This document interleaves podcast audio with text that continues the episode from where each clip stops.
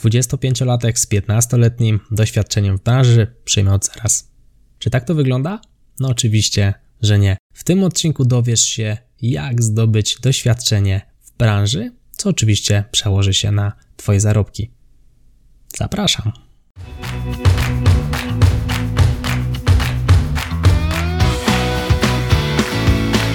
Chcesz przenieść swoją karierę na wyższy poziom? Nieważne, czy pracujesz na etacie, czy jesteś przedsiębiorcą. Świetnie trafiłeś.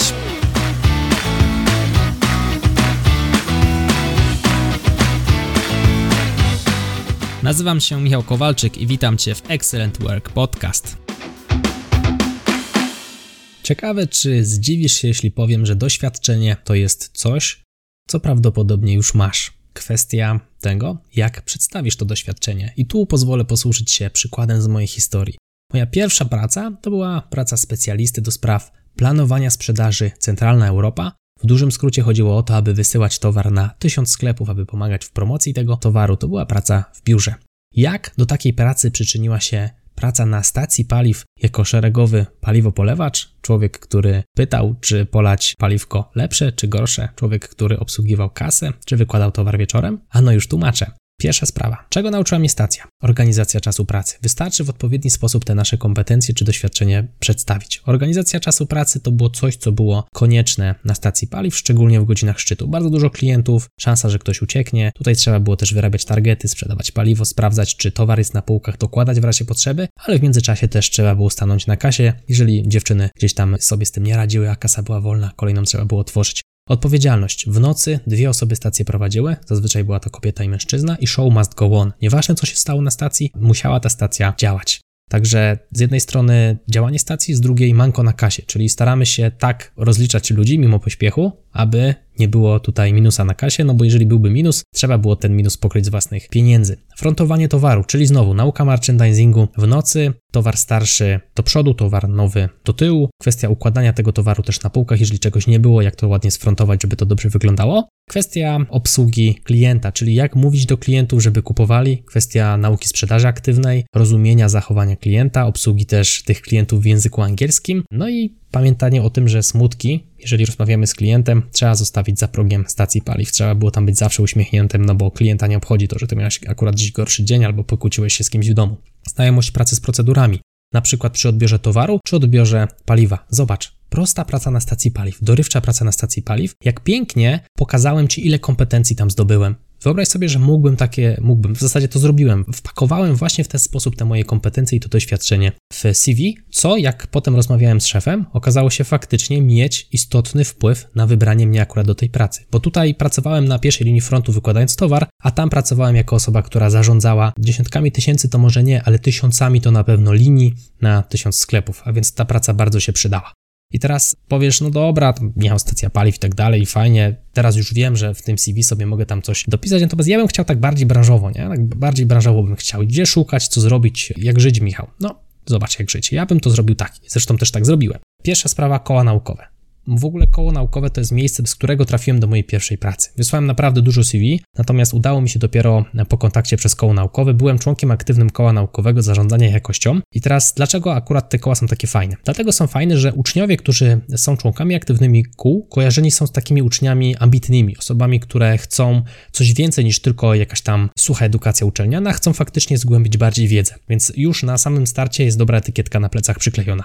Mamy często osoby, które w kołach naukowych pracują, czy do których uczęszczają, kontakty bliższe z prowadzącymi, ale także bliższe z firmami. Bardzo często koła naukowe robią wszelkiej maści konferencje, na które zapraszają potencjalnych pracodawców, a więc już jest okazja pogadać z kimś, kto jest wyżej postawiony, no bo zazwyczaj na taką konferencję nie przychodzi jakiś specjalista, tylko już jakiś menadżer, czasami nawet ktoś wyżej, jakiś dyrektor zarządzający, czasami nawet na kraj, więc to jest okazja, żeby już złapać jakieś kontakty, ewentualnie poszukać sobie stażu, może już takiej pełnoprawnej pracy, albo nawet zaczepić się na jakiś wolontariat, o tym dosłownie za moment. Także naprawdę bycie członkiem aktywnym koła naukowego, jeżeli jeszcze studiujesz, nie zastanawiaj się, znajdź koło, no i jedziemy z tematem. W moim przypadku to było zbawienne, ja bez tego koła naukowego, no prawdopodobnie nie byłbym dzisiaj w własnej firmie, nie prowadziłbym tej własnej firmy, bo w sumie od koła naukowego wszystko się zaczęło. Czyli znowu tu była moja inicjatywa, ja do tego koła należałem i przychodziłem na spotkania. Kwestia związana z właśnie pokazaniem inicjatywy jest tutaj fundamentalna. Dlaczego? No bo co dzisiaj robią wszyscy?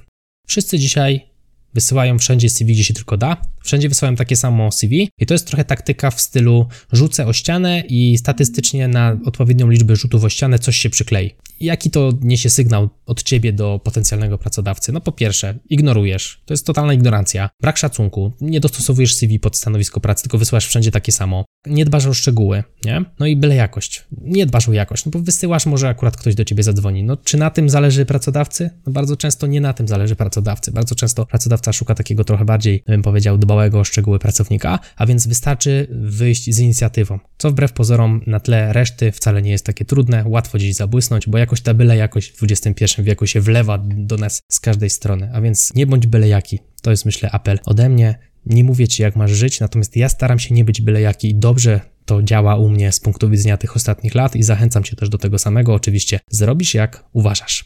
Kwestia wolontariatów. Powiesz, mm, kurczę, za darmo to ja tak nie bardzo, nie? No, ja wiem, że za darmo nie bardzo, za coś trzeba żyć, ja się z tym jak najbardziej zgadzam, ale czasami ten wolontariat jest fajnym rozwiązaniem. Można wziąć udział w naprawdę super wielkich, dużych projektach, ale też realizować się hobbystycznie. To nie jest powiedziane, że ty koniecznie musisz akurat brać wolontariat w branży. Tu bardziej przy wolontariacie będzie ci może zależało na tym, żeby nauczyć się zarządzania projektami. Zarządzanie projektami to jest fajna sprawa, przydaje się na wielu stanowiskach, w CV fajnie wpisać, a może akurat łapiesz się na wolontariat, który cię mega, wiesz, kręci, bardzo jest związany z Twoim hobby. To jest fajna sprawa. Taki pierwszy lepszy, który przychodzi mi do głowy, to szlachetna paczka. To jest coś, co regularnie się dzieje co roku, natomiast są pewnie też inne, na przykład organizacje konferencji na uczelniach, kół naukowych, o których wcześniej wspomniałem, na przykład o. To też jest ciekawe doświadczenie, które możesz wpisać w CV.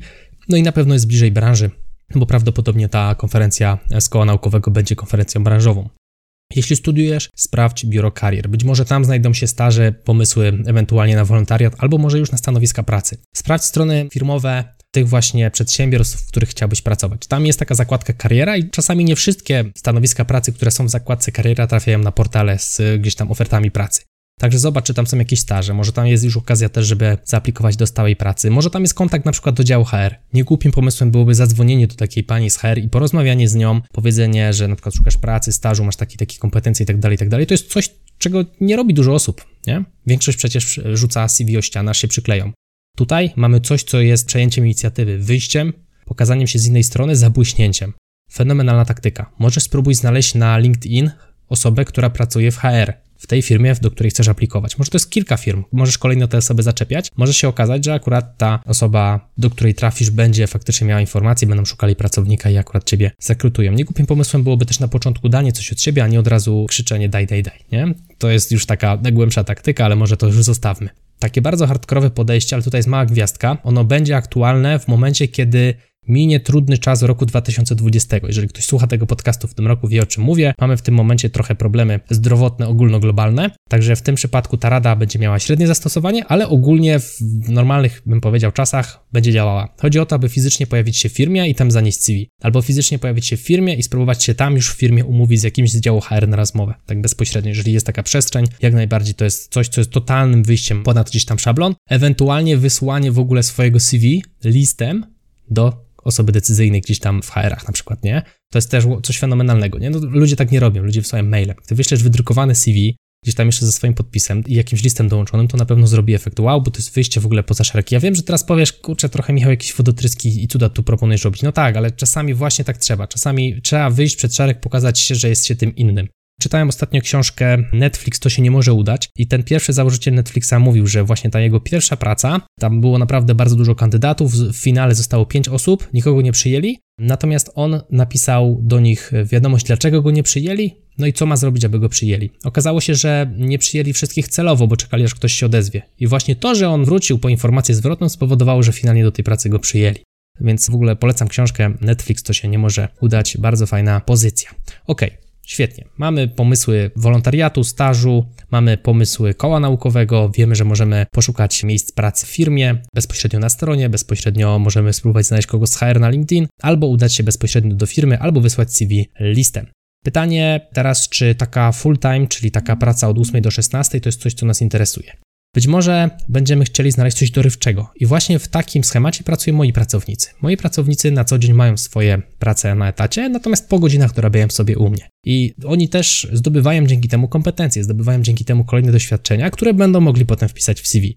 Pracują ze mną zdalnie, więc uczą się właśnie pracy na aplikacji do zadań, uczą się pracy asynchronicznej, są odpowiedzialni za swoje zadania, bo ja ich nie kontroluję, nie siedzę nad nimi, nie patrzę, co oni robią. Robota po prostu ma być zrobiona. Znają proces, poznają też proces prowadzenia firmy od tej drugiej strony, co też im się może przydać docelowo kiedyś, gdyby chcieli ruszyć z czymś swoim, na pewno będzie łatwiej. A więc to są znowu kolejne cegiełki doświadczenia, które będzie można potem wpisać w CV.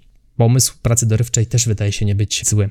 Mamy ten staż, mamy pracę, udało nam się dostać, mamy pracę dorywczą. Pytanie w takim razie, co ile te prace zmieniać? Jeżeli jest to staż, pewnie trafimy na 3-6 miesięcy, czasami jest to roczny staż. Też nie zasiadajmy się w jednej firmie nie wiadomo jak długo, jeżeli to nie jest stanowisko, które my docelowo chcielibyśmy piastować. Wiadomo, w 3 miesiące jakoś bardzo się w tym stanowisku nie obcykamy, natomiast jeżeli pracujemy już pół roku czy rok, to już jest jakaś tam na pewno większa znajomość niż po 3 miesiącach pracy. Pamiętajmy o tym, że jeżeli jest to stała praca, no to ten rok to, to jest przynajmniej takie pewnie minimum, żebyśmy też przez innych potem rekruterów nie zostali uznani za tak zwanego jumpera, czyli osoby, która przychodzi do firmy i zaraz się zwalnia, idzie do następnej i znowu się zwalnia, bo to sam koszt rekrutacji jest istotny z punktu widzenia widzenia firmy i zatrudnienie kogoś, kto się zwolni po trzech miesiącach jest dużym kosztem dla firmy, nie? Trzeba mu zapewnić sprzęt, trzeba go wdrożyć, sam proces rekrutacji jest kosztowny, więc jak już się szuka pracownika, no to dobrze, żeby ten pracownik chwilę w firmie popracował, więc na to też zwracajmy uwagę. Jeżeli szukamy pomysłu na siebie, jeżeli próbujemy zdobywać doświadczenie z niejednego pieca jeść chleb, jak to traktuje przysłowie, starajmy się, żeby to też w miarę rozsądku dobrze wyglądało w CV.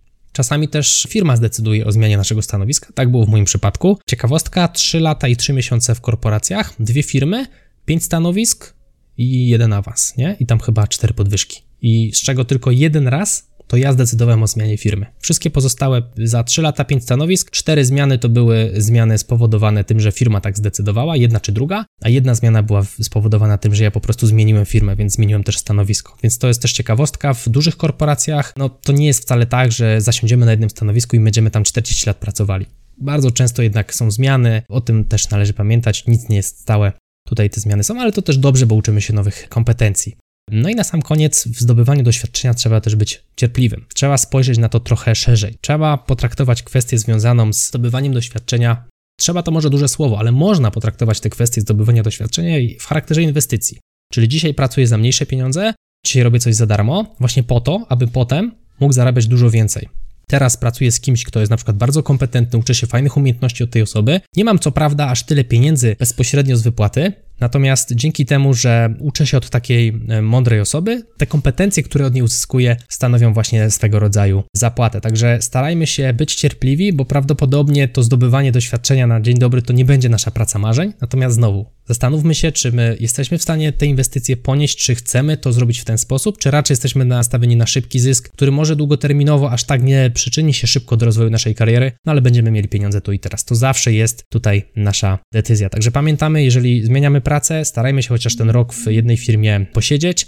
Jeżeli jest to staż, to znów w zależności od tego, ile trwa, 3 do 6 miesięcy, pewnie najczęściej tak. Co tutaj jeszcze w kwestii postanowień? Nie zasiadajmy się też na jednym stanowisku po 10-15 lat, jeżeli chcemy tą karierę rozwijać dobrze, troszkę raz na jakiś czas sobie zmienić to stanowisko, chyba że korporacja zadecyduje inaczej. No i bądźmy cierpliwi, traktujmy takie zdobywanie doświadczenia w charakterze właśnie inwestycji. A jak to zrobić, to już podsumowywaliśmy dosłownie przed momentem. Tyle z mojej strony. Jeżeli podobał Ci się ten odcinek, zachęcam Cię do tego, abyś podzielił się z nim jedną osobą, porozmawiajcie o tym właśnie, jak doświadczenie wpływa na przykład na pensję, porozmawiajcie o tym, jak Wy zdobywaliście doświadczenie doświadczenie, jeżeli już takie macie, albo spróbujcie się pochylić nad tym, co już w życiu robiliście i jak to opisać tak, jak ja opisałem, na przykład pracę na stacji, która na pierwszy rzut oka nie wydaje się czymś, z czego można być dumnym. Ja na przykład z tego jestem bardzo dumny, bardzo dużo się tam nauczyłem, zresztą słyszałeś w pierwszych minutach tego podcastu.